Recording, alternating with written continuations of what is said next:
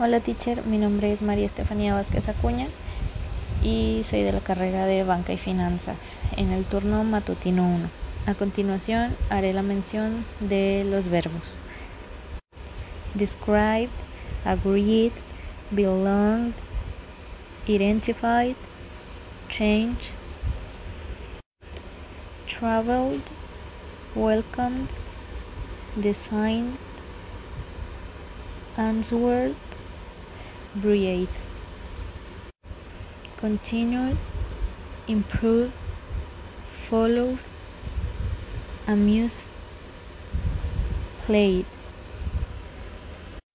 helped, worked, relaxed, washed, watched,